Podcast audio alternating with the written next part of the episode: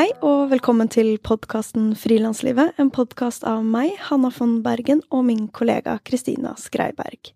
Vårt mål med denne podkasten er å være en faglig og inspirerende kanal for alle dere som jobber for dere selv i medie-, kunst- og kulturbransjen.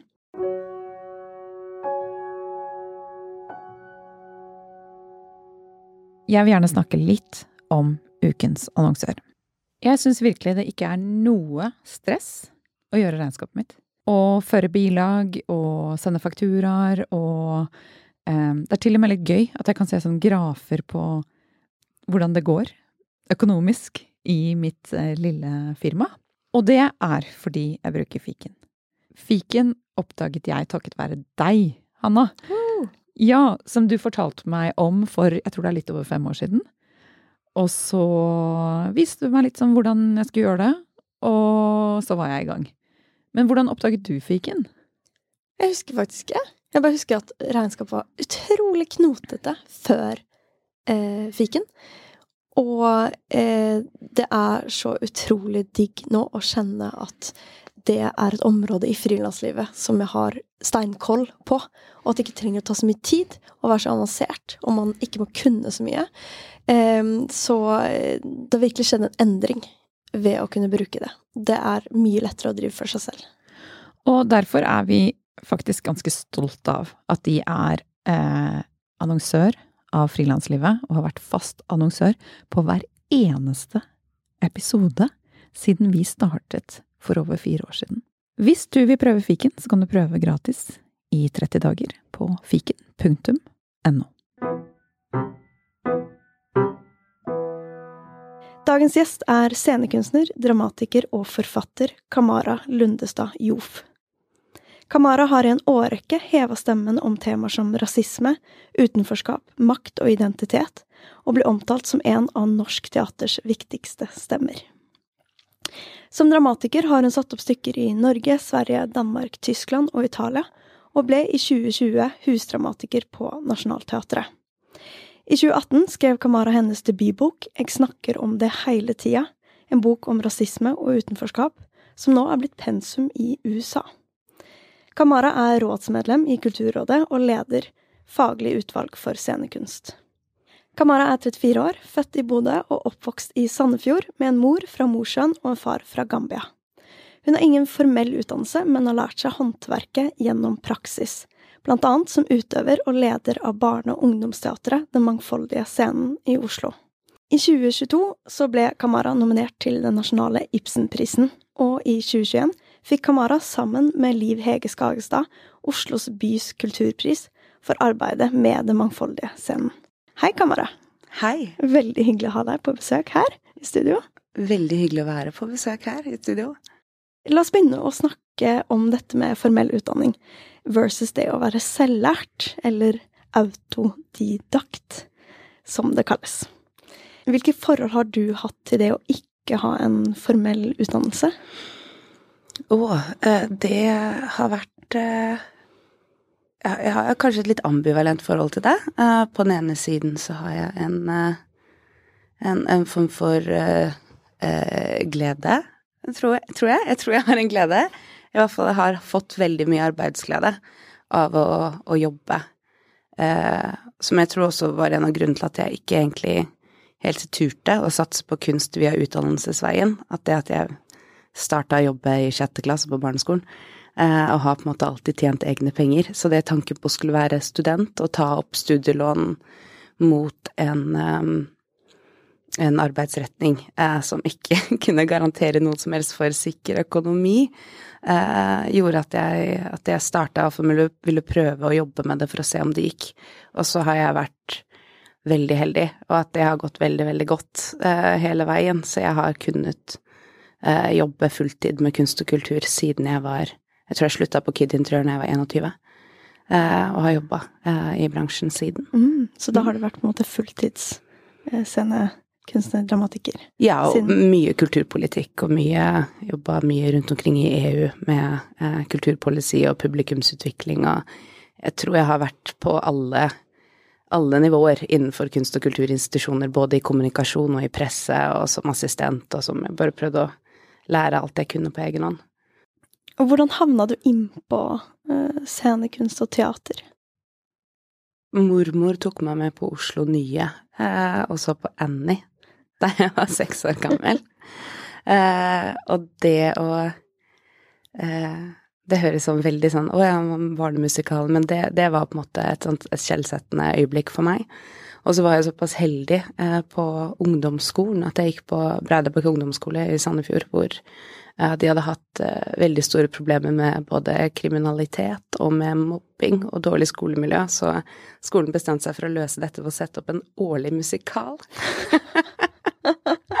det er en kreativ løsning. Veldig kreativ, men veldig effektiv løsning, da det også involverer nesten hele skolen i settbygging og i eh, både på og bak scenen, da, med å jobbe med et eller annet sånn større kollektivt prosjekt. Og det er jo kanskje det som gjør at jeg alltid kommer tilbake til teatret, selv om jeg originalt egentlig starta som musiker.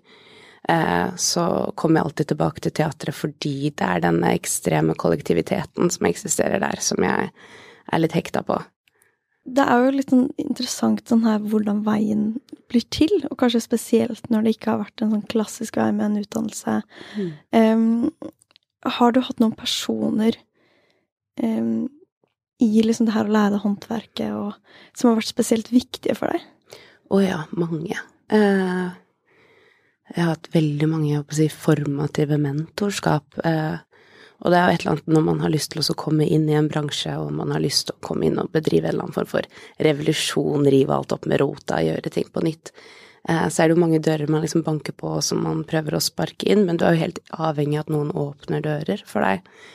Og når jeg starta eh, med den mangfoldige scenen eh, mens jeg gikk på videregående i Oslo Jeg slutta på videregående i Sandefjord og flytta til Oslo for å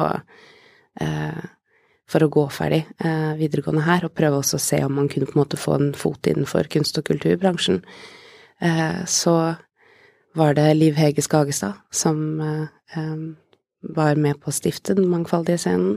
Og så var det Morten Krogh, som var tidligere rektor på Teaterhøgskolen, eh, som også var inne som kunstnerisk rådgiver. Og vi fikk en, en ganske rar, eh, er det mange som vil si, relasjon. Vi flytta sammen. Eh, for vi var begge, holdt på å si, eh, vi var sjuke. Begge to sånn kronisk sjuke eh, og langvarig sjuke, så vi eh, lagde en eller annen form for sånn veldig rart partnerskap så han var 60, og jeg var 20, og vi var romkamerater. Eh, og mot at jeg på en måte hjalp han med sånn hverdags Han var jo også frilanser. Eh, så det å hjelpe han med å bare fakturere, holde på en måte kontroll på en sånn hverdagsadministrasjon, så lærte han meg absolutt alt han kunne om teater over liksom faste middager i uka, hvor vi på en måte Jeg skrev ned spørsmål og hvordan bransjen fungerte, og han tok meg med på teater og tvang meg til å skrive teateranalyser av hva vi hadde sett, og komme med på en måte feedback. Eh, og så fulgte jeg han i veldig mange av kunstprosjektene hans på operaen og på eh, teatret, hvor jeg var rar, hvor jeg var regiassistenten hans. Så bodde vi sammen i et par år. Mm. Mm. Så det vil jeg si var et veldig formativt mentorskap. Eh, og til tross for noen rykter på den tiden, totalt platonisk. det blir jo virkelig som en utdannelse, mm. Eh, hvor du oppsøker kunnskap. Du har på en måte de her middagene, du har oppgaver du gjør, du, ja, du har spørsmål du kommer med. Eh, så det er jo noe med at ja, det finnes veldig mange alternativer da, til den der eh, tradisjonelle veien å gå. Ja, og jeg har alltid tatt og lasta ned å si, pensumslistene på teatervitenskap for å finne ut hva de lærer der borte, kan jeg lese dette på egen hånd? Eh, det at Blindern har veldig mange åpne forelesninger, så hvis du bare vet når den er, så kan du snike deg inn bak og høre Siren Leirvåg snakke om norsk teaterhistorie. Eh, så det å bare finne ulike måter å høstle seg inn på. Men det var vel liksom en, det var todelt. Den ene var på en måte en, en, en økonomisk frykt for kunsten. Det å gjøre en sånn håper å si, eh, når man har foreldre som er arbeiderklasse, så ønsker man jo virkelig at barna skal gjøre en eller annen form for klassereise, og det er veldig sjelden at kunst og kultur inngår i den klassereisen. Spesielt ikke når man har karakterer til å komme inn på jussen. Da burde man virkelig velge jussen. Mm. Så det, det, var det ene ved det behovet for å jobbe og ha en eller annen form for stabilitet og kunne bevise for seg selv og for familien at dette var bærekraftig. Og så var det det at jeg var Jeg ble veldig syk på ungdomsskolen, så jeg gikk ikke i 9. og 10. klasse ordentlig, og måtte bruke fire år på videregående. Og en kunstutdannelse, i hvert fall en utøvende kunstutdannelse, er veldig krevende. Eh, og krever en sånn fullstendig fysisk og psykisk eh, dedikasjon som jeg ikke hadde mulighet til å kunne gjøre på den tiden. Og da måtte jeg bare finne en annen inngang inn. Så noe er valg, og noe var nødvendighet. Eh, men jeg vil si at jeg har i hvert fall fått en, eh, en komplementerende utdannelse ved kjøkkenbordet til Morten Krogh. Helt mm. klart. Og på hvilken måte tror du det har prega deg? Eh, eller prega måten du skaper kunst på? Altså, jeg tenker jo veldig ofte at jeg hadde kanskje vært en bedre kunstner eh, hvis jeg hadde hatt en, en, formell kunstnerisk utdannelse, men jeg tror jeg hadde brukt flere år på å finne mitt eget uttrykk. Og så kan man jo veie det opp mot hverandre. Jeg hadde hatt tilgang på flere uttrykk, jeg hadde måttet jobbe meg gjennom, å si, en kanon, eh, en norm, eh, som man blir tillært, eh, for å så finne mitt eget uttrykk etter hvert. Eh, og siden jeg ikke har den praktiske kanonen, så måtte jeg bare finne uttrykket mitt med en eneste gang. Som gjør at hvis man liker uttrykket mitt, eh, så er jo det veldig heldig. Eh, så jeg tenker ofte at jeg kanskje på sikt hadde vært en bedre kunstner. men de tingene jeg kan Hvordan skal jeg si det? Eh, jeg kan det jeg kan, eh, og det gjør jeg godt, men jeg kan ikke så mye annet. Uh, og det tenker jeg jo en gang imellom når jeg skal prøve meg på nye ting, at bare shit, her mangler jeg kanskje en, en, et grunnlag eller et fundament å bygge opp på, men da får jeg bare bygge det sjæl, og så får vi håpe det går. Mm. For jeg tror mange kan kjenne på frykt for å ikke ha formell utdannelse Eh, at det f.eks. kan være knotete med å søke tilskudd, mm. eller det her at man må bevise sin rett til å liksom, utøve sitt virke, eller komme inn også liksom, de riktige sirklene. Um, har det brakt med seg måte, noen utfordringer for deg? Ja, og det tenker jeg Jeg sitter jo i Kulturrådet nå, eh, og der har vi jo veldig mange søknadskriterier og formelle kriterier, annet profesjonalitet. Vi gir ikke til amatørvirksomhet i, i, det som er avsetningen fra Kulturfondet. Det finnes egne amatørordninger, men de behandler ikke vi. Eh, og det å erklære seg selv profesjonell, det ja, når er man det? Liksom? Når er man det? Det lurte jeg lenge på. Og jeg husker at jeg leste sånn ulik sånn, ok, for å bli medlem av Dramatikerforbundet må du ha skrevet to teaterstykker. Når jeg skrev Parlos Tispe, så det er bare skrevet ett. Jeg hadde jo jobba veldig mye med teater og jobbet veldig mye med kulturpolitikk, da, eh, og mye med amatørteater, som barne- og ungdomsteater er. Eh, og jeg husker jeg hadde veldig lyst til å søke, jeg hadde en sånn drøm om å søke husdramatiker på Dramatikkens hus. Uh, og endte opp med å bare på en bar møte Line Rosvold, som var leder der da, som sa skal ikke du søke skal ikke du søke husdramatiker, hvorfor ser vi ikke noe søknad fra deg? Jeg bare, men jeg er ikke profesjonell ennå.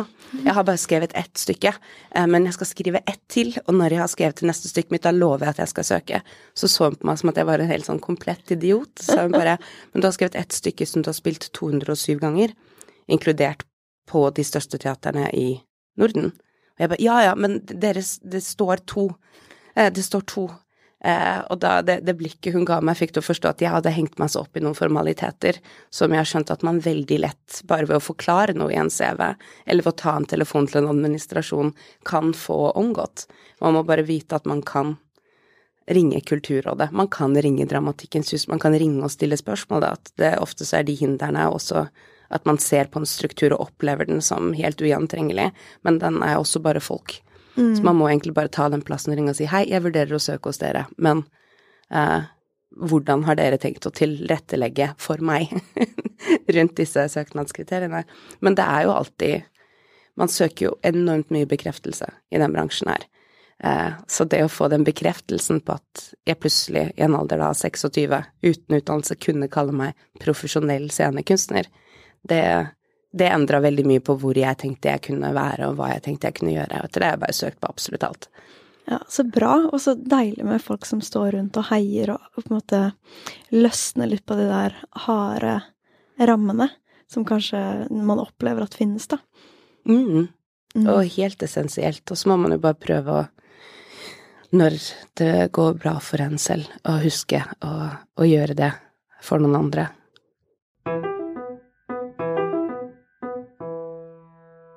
Og litt apropos det du nevnte tidligere, i et intervju på Nationaltheatret sin nettside, så sier du at jeg har tatt noen store sjanser i livet ved å velge kunsten, men jeg har aldri gått inn i ulønnede prosjekter. Mm.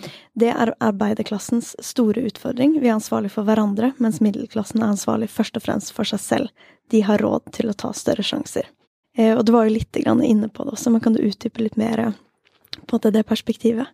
Jeg tror det ligger et, et veldig stort frihetsrom eh, som man må ha for å kunne jobbe frivillig.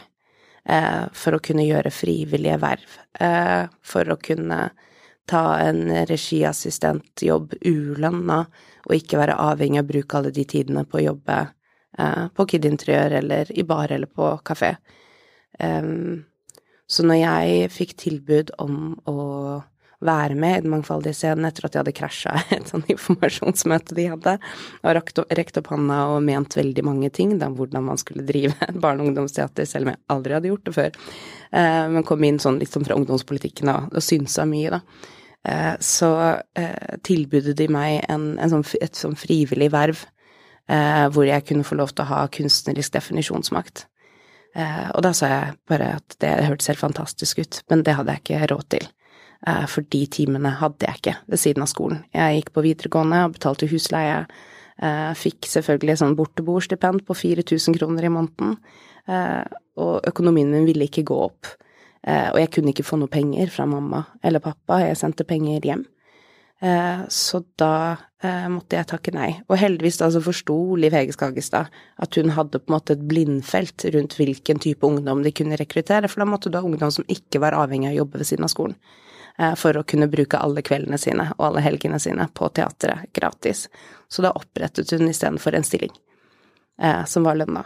Eh, og regna ut ok, hvor mange timer, hva tjener du i timen på Kid Interiør, og hvordan kan vi kompensere opp de timene hos oss, i hvert fall halvparten av dem, så du kan bruke halvparten av den tiden på teater. Og hvis ikke, så hadde jeg nok gått en annen vei. Da hadde jeg nok søkt jussen, tror jeg, etter mm. hvert, for å kunne bruke da, for det var også det jeg sparte opp penger til, at når jeg skulle ta høyere utdannelse, skulle jeg ha en buffer. Um, så jeg tror det å um, forstå at å ta det, det sjansespillet, som er å ikke, ikke lage buffere for seg selv, fordi den bufferen fins naturlig hjemme, i foreldre eller i besteforeldre eller i bolig, uh, det, det, tror jeg er et av liksom, de største hindringene vi har inn i kunst- og kulturlivet i dag. Og vi kan ofte snakke litt sånn nedlatende om det, at vi antar at det handler om at enten folk med innvandringsbakgrunn eller annen kulturell bakgrunn eller eh, annen kulturell kapital som man anser at arbeiderklassen har, ikke forstår seg på kunst, eller ikke forstår seg på verdien av kunst. Eh, men jeg tror det er heller si, kunst- og kultursektoren som har denne blindsonen, hvor man ikke forstår at at det er dyrt å jobbe med kunst. Materialer koster, tiden koster, inntekten går sjeldent opp de første årene. Eh, og at det er et eh, privilegium å kunne ta den risikoen, da, fordi du går ikke hele tiden og tenker på hvor husleia og strømleia, eh, nei, strømregningen skal komme fra. Så det, det, er kanskje det jeg ofte tenker på, at man har mulighet til å være mer individretta jo høyere opp i klassesjiktet man kommer, fordi du har ikke det kollektive ansvaret for menneskene rundt deg på samme måte fordi eh, noen arver, og noen gjør det ikke. Og nå er vi jo litt inne på mm, kanskje litt av temaene som er viktig for deg å løfte i kunsten. Eller du sa at du også har jobba politisk, jobba mye med kulturpolitikk og mm. vært i mange ulike stillinger også, liksom innenfor kunst- og kulturbransjen. Men kan du utdype litt hvilke temaer er det som ofte går igjen i ditt kunstnerskap? Jeg tror at mange av de temaene jeg har jobbet med, eh, spesielt som rasisme og utenforskap, har jeg i veldig stor grad jobbet med av nødvendighet, og ikke så mye av lyst. Eh, jeg hadde aldri noen ambisjoner om å jobbe med politisk kunst. Jeg hadde ikke noe ønske om det. Eh, I utgangspunktet ville jeg bli popmusiker og superstjerne og skuespiller.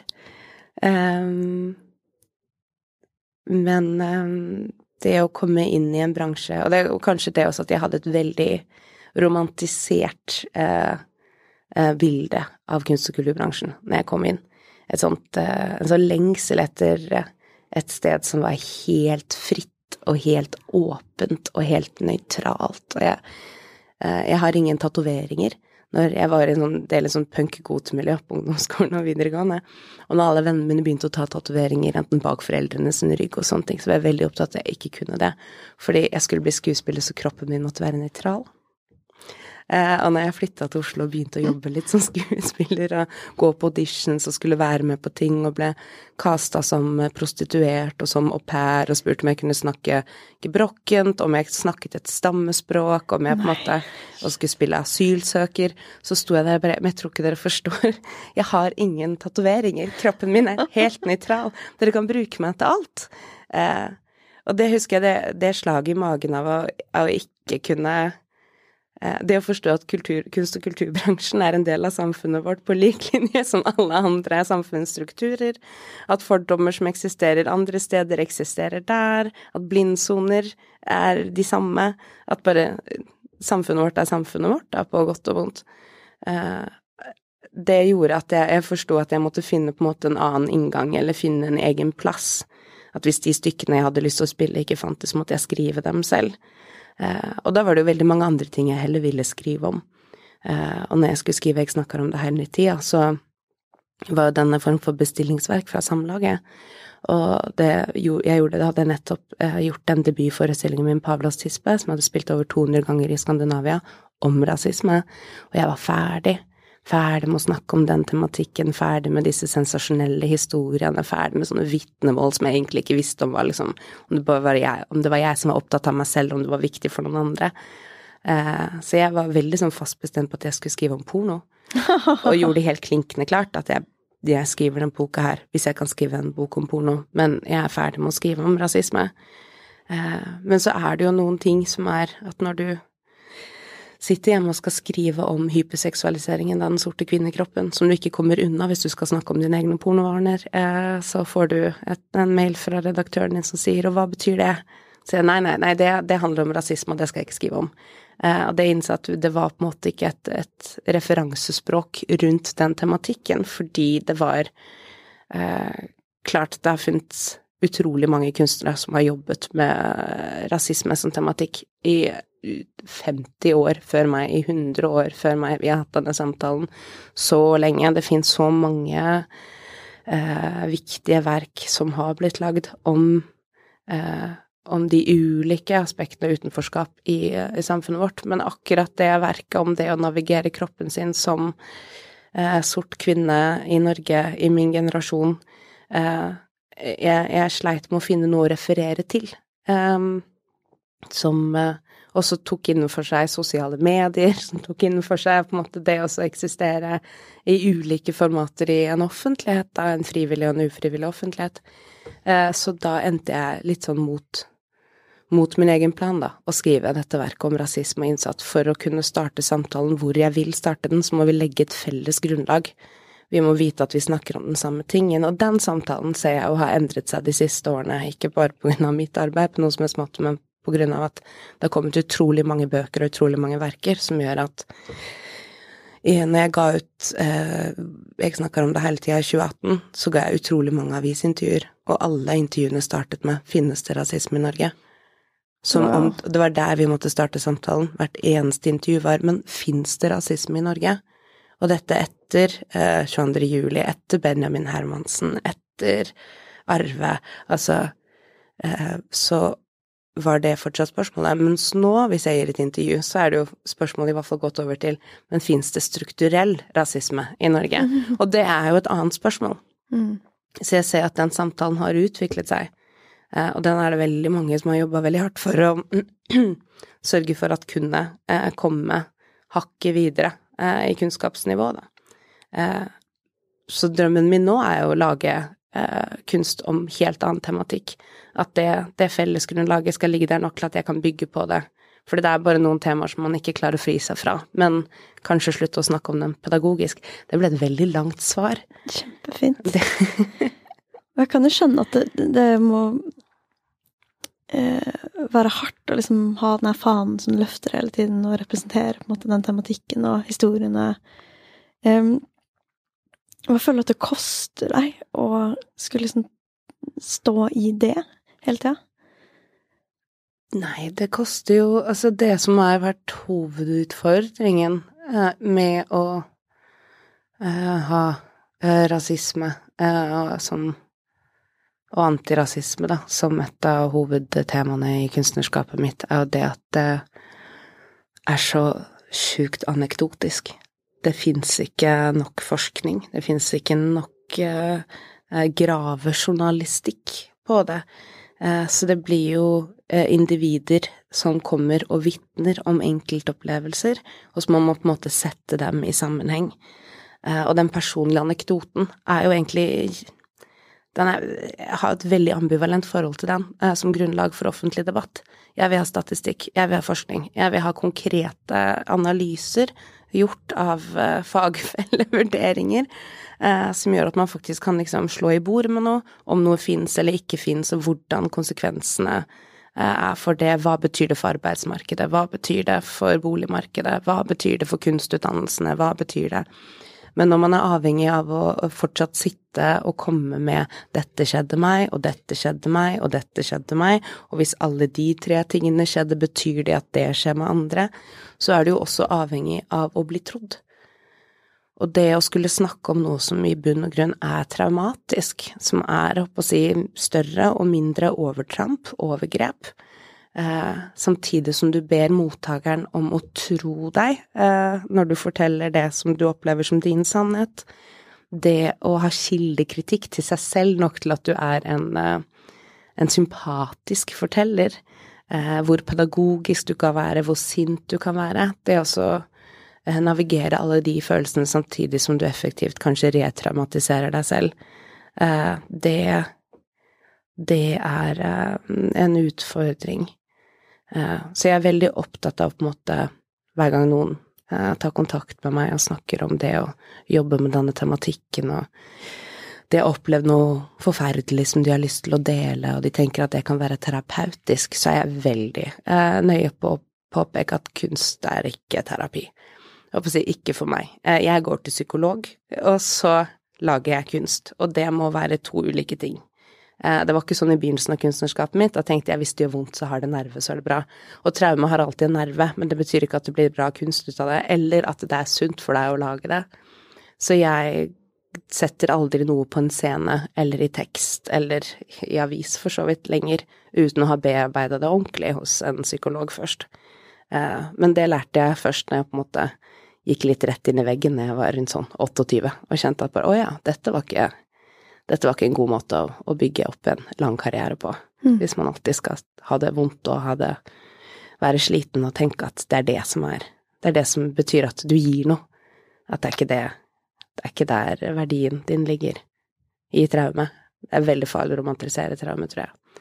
Så nå mm. leter jeg bare alltid etter nye uttrykk og andre måter å bearbeide ting på, og ser at det er mange kunstnere som som jobber med samme tematikk som meg, men som klarer å gjøre det på utrolig mye friere måter. Mer abstraherte måter, andre eh, Jobber med det i andre formater. Eh, Marithea Dæhlin, for eksempel, jeg syns det er ingen som jobber med rasisme og identitet på en mer interessant måte enn hun gjør.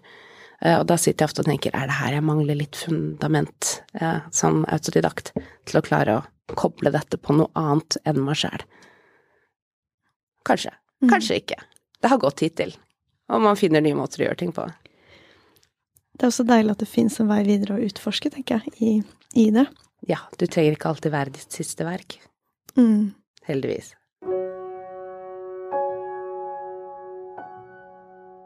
Ukens annonsør er banktjenesten Folio. Har du et enkeltpersonsforetak, men vurderer å etablere et AS? I år så har Kristina og jeg tatt steget ut og opprettet Frilanslivet som en egen virksomhet. Og da vi etablerte firmaet Frilanslivet AS, så brukte vi stiftemaskinen fra Folio. Fordi med stiftemaskinen fra Folio så får du gjort hele jobben med å stifte ditt eget aksjeselskap på ett sted.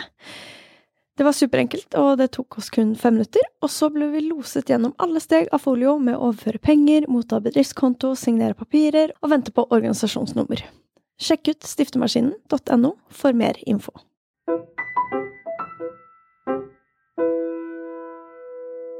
Hvis du skulle liksom tenkt helt fritt, har du noen drømmer for liksom veien videre i forhold til eh, hva du ville utforska av temaer? Ja. Jeg sliter skikkelig med det om dagen. Akkurat nå er det jo eh, om en måned litt sånn eh, Om litt under en måned så er det jo deadline på Statens kunstnerstipend. Eh, og det har ikke jeg søkt de siste årene, for jeg ville ikke at Husdramatikeren på Nationaltheatret skulle konkurrere med de veldig få hjemlene som finnes i det frie feltet. Men nå er jeg fri igjen fra og med desember, så jeg skal søke. Eh, og da skal du jo eh, skissere ut hva du skal gjøre de neste årene. Vanskelig? Eh, det er vanskelig. Eh, og spesielt nå som jeg har eh, Jeg har prøvestart om ti dager eh, på min eh, På min siste produksjon på Nationaltheatret, som er et stykke om rasisme og om hukommelse og om oppvekst og om kjønn, og som kjennes litt ut som en avslutningen av trilogi for min egen del. At det var på en måte Pavlos tispe, de må føde oss eller pule oss for å elske oss. Eh, og da dette, da, samtale med bror som tar for seg eh, minoritetskroppen både fra et kjønnsperspektiv, et individuelt perspektiv og fra et kollektivt perspektiv. Og nå er jeg ferdig. Nå vil jeg lage noe helt annet. Men jeg klarer på en måte ikke helt være ferdig før jeg har gjort det ferdig. Eh, og det, jeg er ikke ferdig med dette før i november, men søknadsfristen er i oktober. Og jeg må på en måte prøve å se for meg, se for meg de neste årene forbi dette prosjektet. Og når eh, når det utvalget skal lese denne søknaden, så er dette prosjektet forbi. Da er det dømt, da har det vært i offentligheten. Da er det enten blitt slakta eller eh, likt eller eh, solgt billetter eller ikke solgt billetter. Eh, det er ikke noe jeg kan forholde meg til før det skjer, men nå skal jeg prøve å se for meg en karriere ti år forbi det. Eh, og det må jo være noe annet. Eh, Det er utrolig vanskelig. Jeg tror det er en, noe veldig mange kan relatere til det her med at du er i en prosess, og så blir du liksom tvunget av omstendighetene til å sette i gang en parallell prosess. mm, Enten på grunn av økonomi, fordi prosjekter ikke går liksom perfekt opp i opp, mm, em, eller på grunn av søknadsfrister, eller helt klart. Um, ja, det er jo utrolig vanskelig mentalt å, å tenke at du skal være ferdig og begynne på nytt når du er midt i en innspurt. Ja. Ja, det er kjempevanskelig. Og jeg kan jo noen ganger klare å formulere et nytt prosjekt, på å si, i henhold til en prosjektsøknad. Men det også skulle på en måte, som kunstnerstipendet er, da, også skissere ut videreutviklingen av meg selv og mitt kunstnerskap. Altså, det det har jeg alltid medfølelse med, med meg og resten av Kunstner-Norge, da, som sitter og skal eh, knote til disse søknadene akkurat nå. Eh, fordi eh, ja, det er kontinuerlig arbeid. Eh, og det er vanskelig å vite hvordan og vet ikke, Det er også et, byggekloss. Det er jo som et legosett. At du bygger jo alltid én ting på noe annet. Du må nesten bli ferdig med den tingen før du vet hvordan du skal bygge det neste. Hvis ikke så skisserer jeg jo ting som går bakover i kunstnerskapet mitt. Eh, for jeg har ikke lært de leksene jeg skal lære nå, det prosjektet her. Eh, men eh, Men det er det Jeg vet ikke om det er noe trøst at alle frilansere har det sånn. Eller om man bare får litt mer sånn kollektivt vondt i magen. Uh, og hvorfor er det ingen som arrangerer lønningspilser for oss? sånn at man kan bare sette seg ned og snakke om hvordan, hvordan ser du for deg de neste seks årene?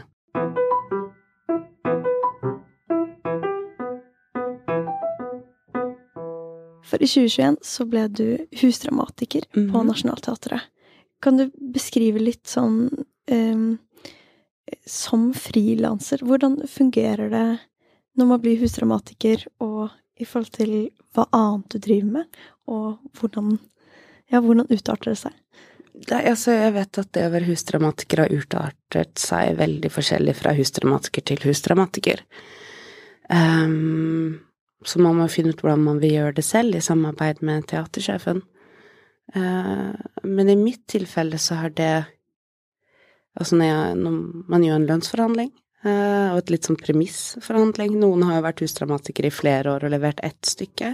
Av en eller annen idiotisk grunn så kom jeg inn og sa at jeg skulle levere ett stykke per år. Og det kjenner jeg litt på nå at jeg kanskje kunne spart meg selv eh, for eh, arbeidsmengden av. Eh, men det er bare fordi det prøves prøvestart om ti dager. Spør man et halvt år, så vil jeg si at det var en kjempegod idé. Men i mitt tilfelle, da, eh, så har det betydd ekvivalenten av Statens kunstnerstipend, eh, som er jo en drøm å få. Eh, men at det også betydde det med pensjon, det visste jeg ikke. At jeg plutselig fikk Jeg trodde jeg skulle sende faktura på det, eh, og så plutselig så fikk jeg noe sånn eh, Fikk jeg lønnsslipp med pensjonstrekk. Og da innså jeg at pensjonstrekk, det har jeg ikke hatt siden Kid Interiør. Jeg har ikke vært ansatt noe sted siden Kid Interiør, så jeg er formelt ansatt på Nationaltheatret, en 50 stilling i to år. Og det i seg selv kjentes helt absurd. Å bare vite at å ja, det kommer en utbetaling hver måned. Eh, hver måned kommer det en utbetaling herfra. Eh, og det er jo fra en sånn, en sånt indre eh, sinnsro-sted, og også noe som man plutselig kunne ta med til banken. I håp om å på en måte få boliglån en dag og si se her, jeg er ansatt 50 ett sted her, pensjonstrekk, har dere sett det? De er ikke like imponerte som du er, men sånn er det. Eh, men mest av alt så har jo det å være husdramatiker på Nationaltheatret betydd eh, en stabilitet. Eh, det at jeg vet hvor verkene mine skal settes opp, i seg selv er helt absurd for en dramatiker. Det er veldig sjelden man får bestillingsverk eller vet hvor man sitter hjemme og skriver det, prøver å se for seg et rom, prøver å se for seg noen skuespillere, et ensemble, kanskje en regissør, en drømmeregissør, et drømmescenario. Så bruker du et par år på det verket, og så sender du det overalt i håp om at noen plukker det opp, at noen er interessert i det, at det ikke bare havner i en skuff. Så det å vite at begge mine verker skulle opp på Torshov, det å vite at det rommet er rundt, det å vite at sånn sitter publikum, det å ha mulighet til å være med på eh, alle casting og diskusjoner, og være med på å ansette folka som skal inn i prosjektene, det å bli hørt på regissør og hvem man ønsker å jobbe med, det å ha den type definisjonsmakt i eget verk, det er veldig sjelden for en dramatiker å ha. Og jeg er jo kjent for å være en ganske vanskelig dramatiker, eh, og det har jeg kanskje vært, jeg har kanskje vært ekstra vanskelig på Nationaltheatret. Men det har jeg også hatt på en måte en kontrakt i bånd som har tillatt meg å være, da. Og når du sier vanskelig, hva, eh, hva legger du i det? Nei, at jeg eh, eh, Og dette var også en del av på en måte forhandlingen min med teatret, da. Eh, når man skal ta inn prosjekter som eh, handler om denne type te tematikk, eh, så kan det, det kan være en anstrengelse for alle å jobbe med, spesielt hvis man ikke har noe kjennskap til tematikken fra før av. Eh, så jeg har vært veldig streng på kursing. Kursing av folk som skal inn, at det at eh, Nationaltheatret har måttet gjøre opp og si analyser av sin egen arbeidsplass, hva slags varslingssituasjoner har dere på plass, hva betyr det hvis noen opplever rasisme, hva betyr det Eh, hvis noen ikke kan ordne håret, eller har dere sminke til hudfargen til skuespillerne, hvem, hva slags kompetanse har lyset til å sette lys på mørk hud?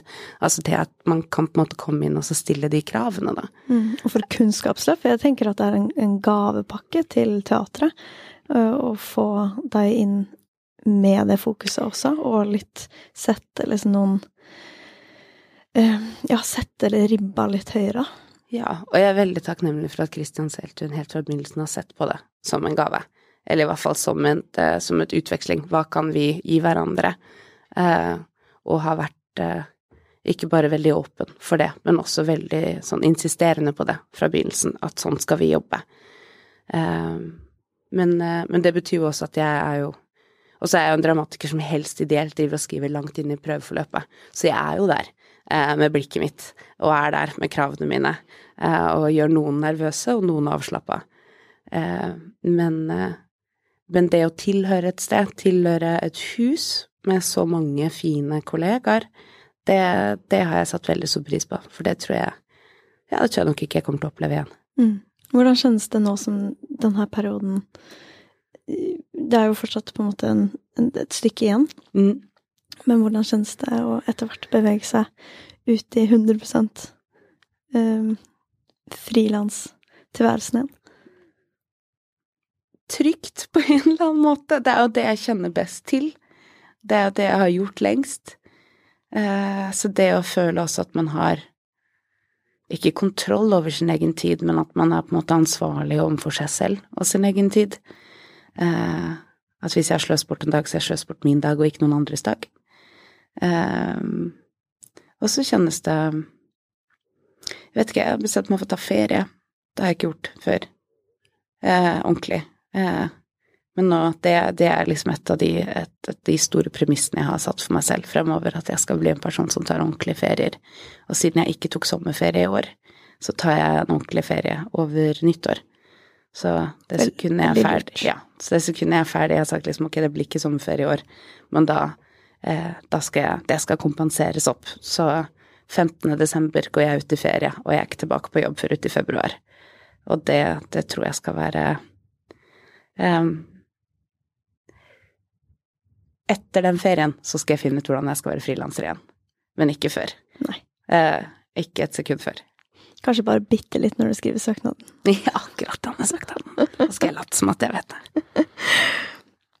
Når jeg sier at jeg er en vanskelig dramatiker, så har jeg skrevet seks, syv teaterstykker uh, i mitt liv.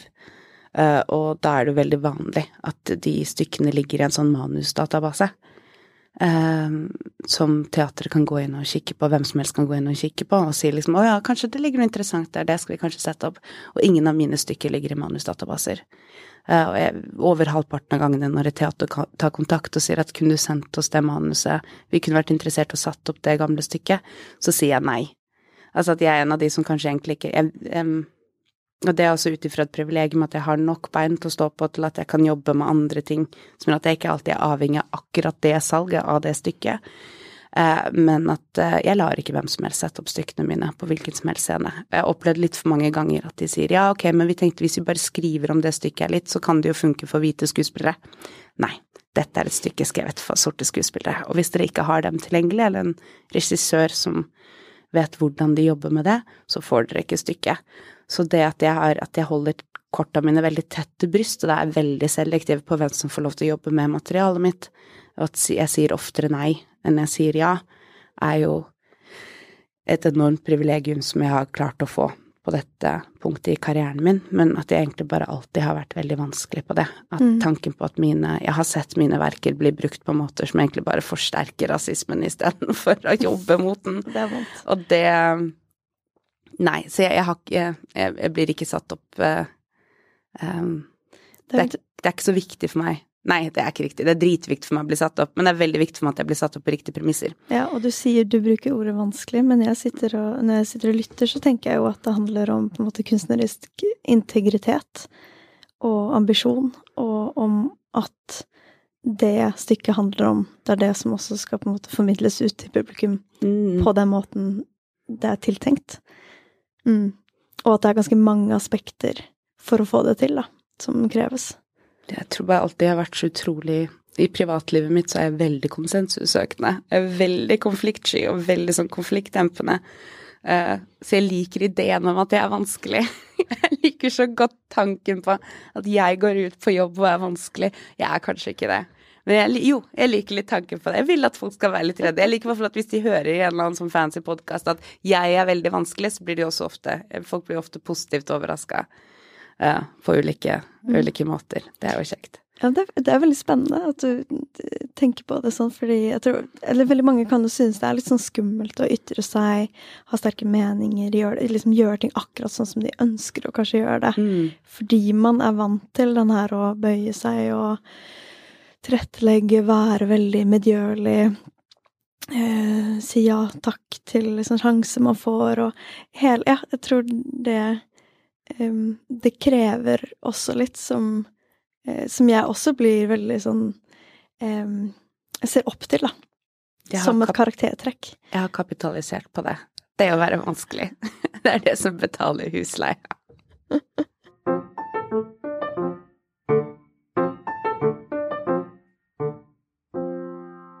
kanskje litt vanskelig spørsmål å på en måte besvare, men har det vært noen sånn hovedaspekter i forhold til det her, hvordan du har gått til veie for å liksom gjøre ditt frilansliv økonomisk bærekraftig? Jeg er veldig dyr. Ja. Eller det at vi har si, foredrag, eh, paneldebatter, intervjuer uh, Og dette er noe som jeg har liksom regna ut med psykologen min. Uh, og det er det, for jeg jobber ikke på onsdager. Det fins bare liksom tre ut Tre Tre grunner som kan gjøre til at jeg ikke jobber på onsdag, og det er hvis det kommer på en måte kunstnere fra utlandet som skal jobbe med meg, eller hvis jeg skal til utlandet og jobbe, eller det er departementet, Kulturrådet. Utover det så takker jeg liksom nei til jobb på onsdager, for da går jeg i terapi, og så spiller jeg Xbox. Eh, men da gjør jeg også et regnskap, å si et sånn kost-nytte-regnskap av hva det koster emosjonelt å jobbe med denne tematikken, hva det koster tidsmessig å uttale seg eller ytre seg offentlig og svare på eh, henvendelser eller kritikk rundt det. og funnet ut at eh, noen ting koster mer enn andre ting. Eh, og vi opererer jo veldig ofte med å si Forfattersentrum sine minstesatser. Det er veldig mange som tenker at det betyr at det er lønna, men det er faktisk det, det minste de kan betale deg. Dette er det minste de tariffmessig kan betale deg. Det betyr ikke at det er det du har vært. Og det betyr ikke at det er det etterarbeidet er verdt.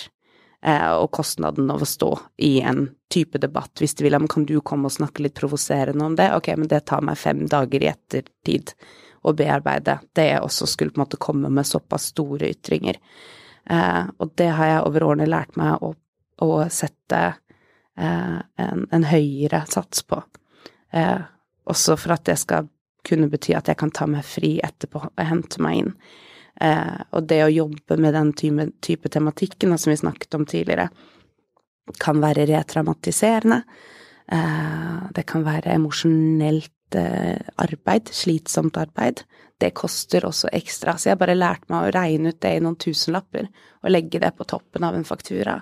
Veldig transparent med det i utgangspunktet, og gjør ikke med mindre det er et sånt veldig standard oppdrag. Kan du bokbade noen andre om boka deres? Ok, det er det minste sats. Ja, for det er greit. Da gjør jeg sammen med jobben.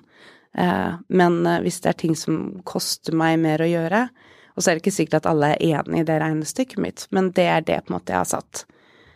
Så det er i hvert fall en av de tingene som gjør at ting går opp uten at uten at man forhåpentligvis jobber seg i hjel, da. Fordi det har jeg skjønt at det er det så fryktelig lett å gjøre. Og det er alltid jobb i helgene, det er alltid en åpning i helgene, det er alltid en paneldebatt en helg, det er alltid et foredrag. Så det å ikke jobbe onsdager, og det å heller eh, koste litt mer, sånn at man reelt kan forberede seg og reelt lande etter et oppdrag, det er det som har gjort at dette det går for meg. Mm. Jeg syns det Jeg kan kjenne meg igjen veldig i det der med at um, kanskje før man ble frilanser, så er jo hele samfunnsstrukturen lagt opp til lønn per time. Mm. I vel, ikke i alle bransjer, men i ganske mange. Eller om man har en deltidsjobb, så kommer du dit i helgen. Mm. Du er deltidsansatt, du får timelønn. Um, og så skal man vri om hodet til en sånn Ok, det er ikke per time, det er kanskje per oppdrag, men hva innebærer det? Og så er det jo visse oppdrag som koster deg mye mer enn andre. Eh, selv om det tar mye kortere tid mm. enn andre. Så det er ja, så det er en veldig sånn lang øvelse i det å finne for seg selv, mm. med alt det ulike tingene man gjør. Hva skal koste hva, og hvorfor. Mm. Og basert på hva. Og hvem er det som betaler for det? Ja. Det er jeg veldig opptatt av. For hvis det er en eller annen sånn mangfoldsworkshop i privat næringsliv, da, da koster det ti ganger så mye. Men hvis det er en ungdomsklubb, så er det gratis. Ja. Når en ungdomsklubb rigger og sier vi har 700 kroner i budsjett til at du kunne kommet hit, kanskje. Hvor mange timer får vi med deg da? 700? Ikke én engang. Men det å kunne si, vet du hva, bruk de 700 kronene på pizza, eh, så kommer jeg, så spiser vi pizza, og så går vi gjennom det. Men da må, da må de større bedriftene betale. Men da forklarer jeg så ofte for de bedriftene at den ekstrasatsen her, det er at nå har dere sponsa tre ungdomsklubbforedrag. Og det liker de. Det, å ja, har vi det. Eh, så det også på en måte å forklare hvor man prioriterer tiden sin, og hvordan. Men også det at alt den type Og det er jo der jeg tjener Jeg vil jo si at jeg tjener mer penger på den type foredragsholding og den type workshop-holding av det kulturpolitiske aspektet enn jeg vanligvis gjør på det å skrive og den rene kunstneriske praksisen.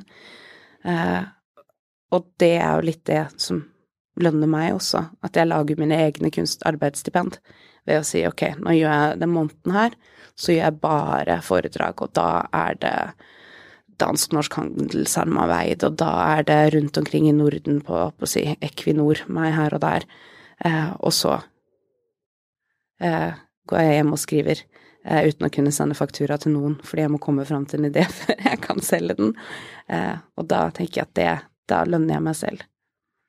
Så det er jo, Men jeg sitter mye med Excel-skjemaer for å på en måte være sikker på at min egen økonomi går opp. For hvor mange arbeidsuker uten oppdrag eksterne kan jeg ta hvis jeg gjør disse, og er de verdt det? Eh, så jeg er veldig opptatt av å ha på en måte i hvert fall en eh, Drømmen er å ha alltid ha en seks måneders horisont, men i hvert fall alltid en tre måneders horisont på hvordan.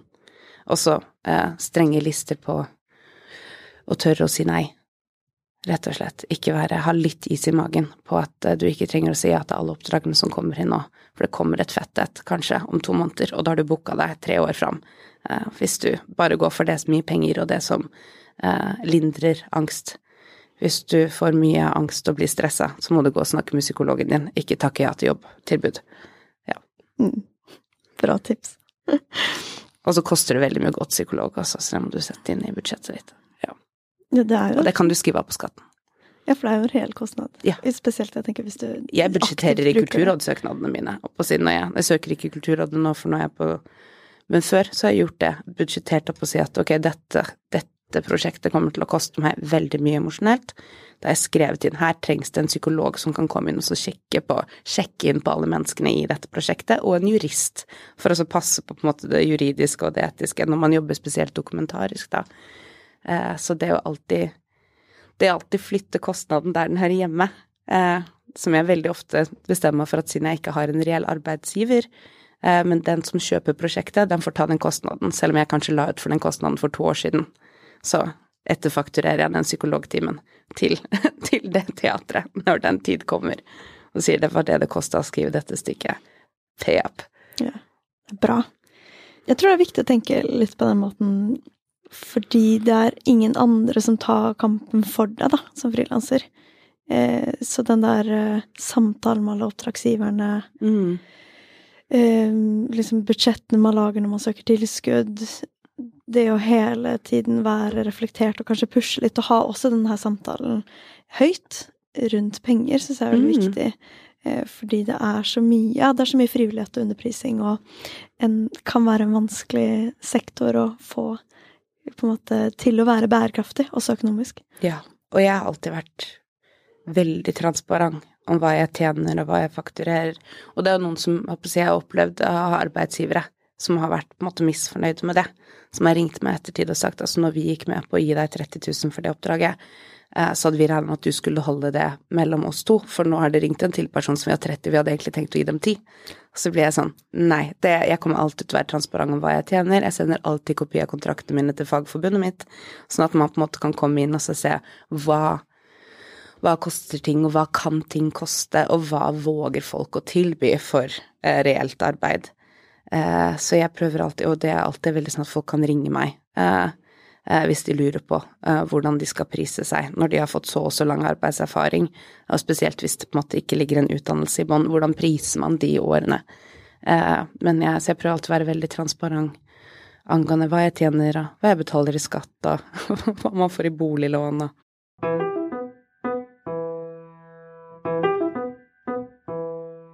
Hva syns du er um, det beste med å frilanse? Å ja uh,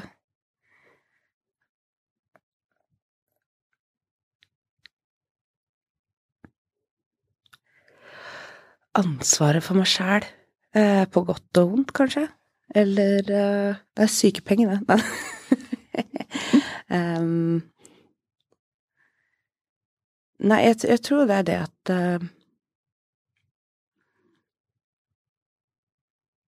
Jeg vet ikke om det er riktig å si at jeg har et problem med autoriteter. Det har jeg ikke nødvendigvis. Jeg tror ikke det. Det er en sånn ting jeg liker å si at jeg har, men som jeg vet at jeg egentlig bare er veldig autoritetstro. Eh, eh, så uavhengig av på en måte hvor jeg lander hele tiden, om jeg enten er autoritets, for autoritetstro, eller om jeg har for store problemer med autoriteter, så er jeg veldig glad for at jeg ikke trenger å forholde meg til noen som faktisk har Noen som er sjefen min hele tiden. Jeg har jo sjefer. Helt klart, og det har man i alle prosjekter når man går inn og takker ja til et oppdrag for noen og ikke. Men det å eh, vite at jeg som min egen lille bedrift eh, er til syvende og sist helt ansvarlig for hvem jeg ansetter og ikke ansetter, hvordan stemninga er i lunsjen, eh, om vi har noen tiltak og regler mot seksuell trakassering eller ikke, og si alle disse tingene, da, dette, det at jeg i meg selv er min egen lille bedrift og derfor er ansvarlig for både psykisk helse, omsorg, eh, arbeidsmiljø eh, At jeg er ansvarlig for meg sjæl, og ikke i noen andres autoritet eller Vold høres jo veldig eh, dramatisk ut, men det å være noen annens vold, det er det å være underlagt noen andre. Eh, det at jeg i hovedsak er underlagt meg sjæl. Jeg føler i hvert fall at jeg er det. Det Det kan gi noen søvnløse netter når du ikke helt vet hvordan det neste halvåret skal se ut. Eh, men eh, for min del sier det meg også bare en helt sånn dyp ro å vite hvem som er ansvarlig her, og hvem jeg skal kjefte på når det ikke går, og hvordan jeg skal håndtere det. Um, og det å i veldig stor grad ha mulighet til å kunne uh, velge hvilke dager jeg jobber kveld, og hvilke dager jeg jobber dag. Når jeg jobber helg, og når jeg ikke jobber. Nei, vet du hva, det tar jeg tilbake. Det liker jeg ikke så godt, faktisk. Det er en dårlig ting å være frilanser, for jeg har veldig dårlig til å sette sånne grenser utenom på onsdager. Så det er ikke en god ting. Uh, men det å være ansvarlig for meg sjæl, og folk jeg tar inn i mine prosjekter um, Selv om det ansvaret kan være stort, spesielt når man ansetter andre, eller uh, lager samarbeid, så, så er det noe jeg liker. Jeg tror at hvis jeg hadde hatt en sjef, så hadde jeg gått og skyldt på den sjefen masse, men uh, det er bare meg jeg kan skylde på. Og det, på godt og vondt, så funker det for meg godt. Mm. Det er fine avsluttende ord. Tusen takk for at du kom hit i dag. Jo, bare hyggelig. Glad vi klarte å koordinere kalenderen vår og få det til. Yes. Det var veldig fint å snakke med deg. Takk. Ha det. Vi vil gjerne takke Kulturrådet for støtten vi har fått til å lage denne podkasten. Tusen, tusen takk.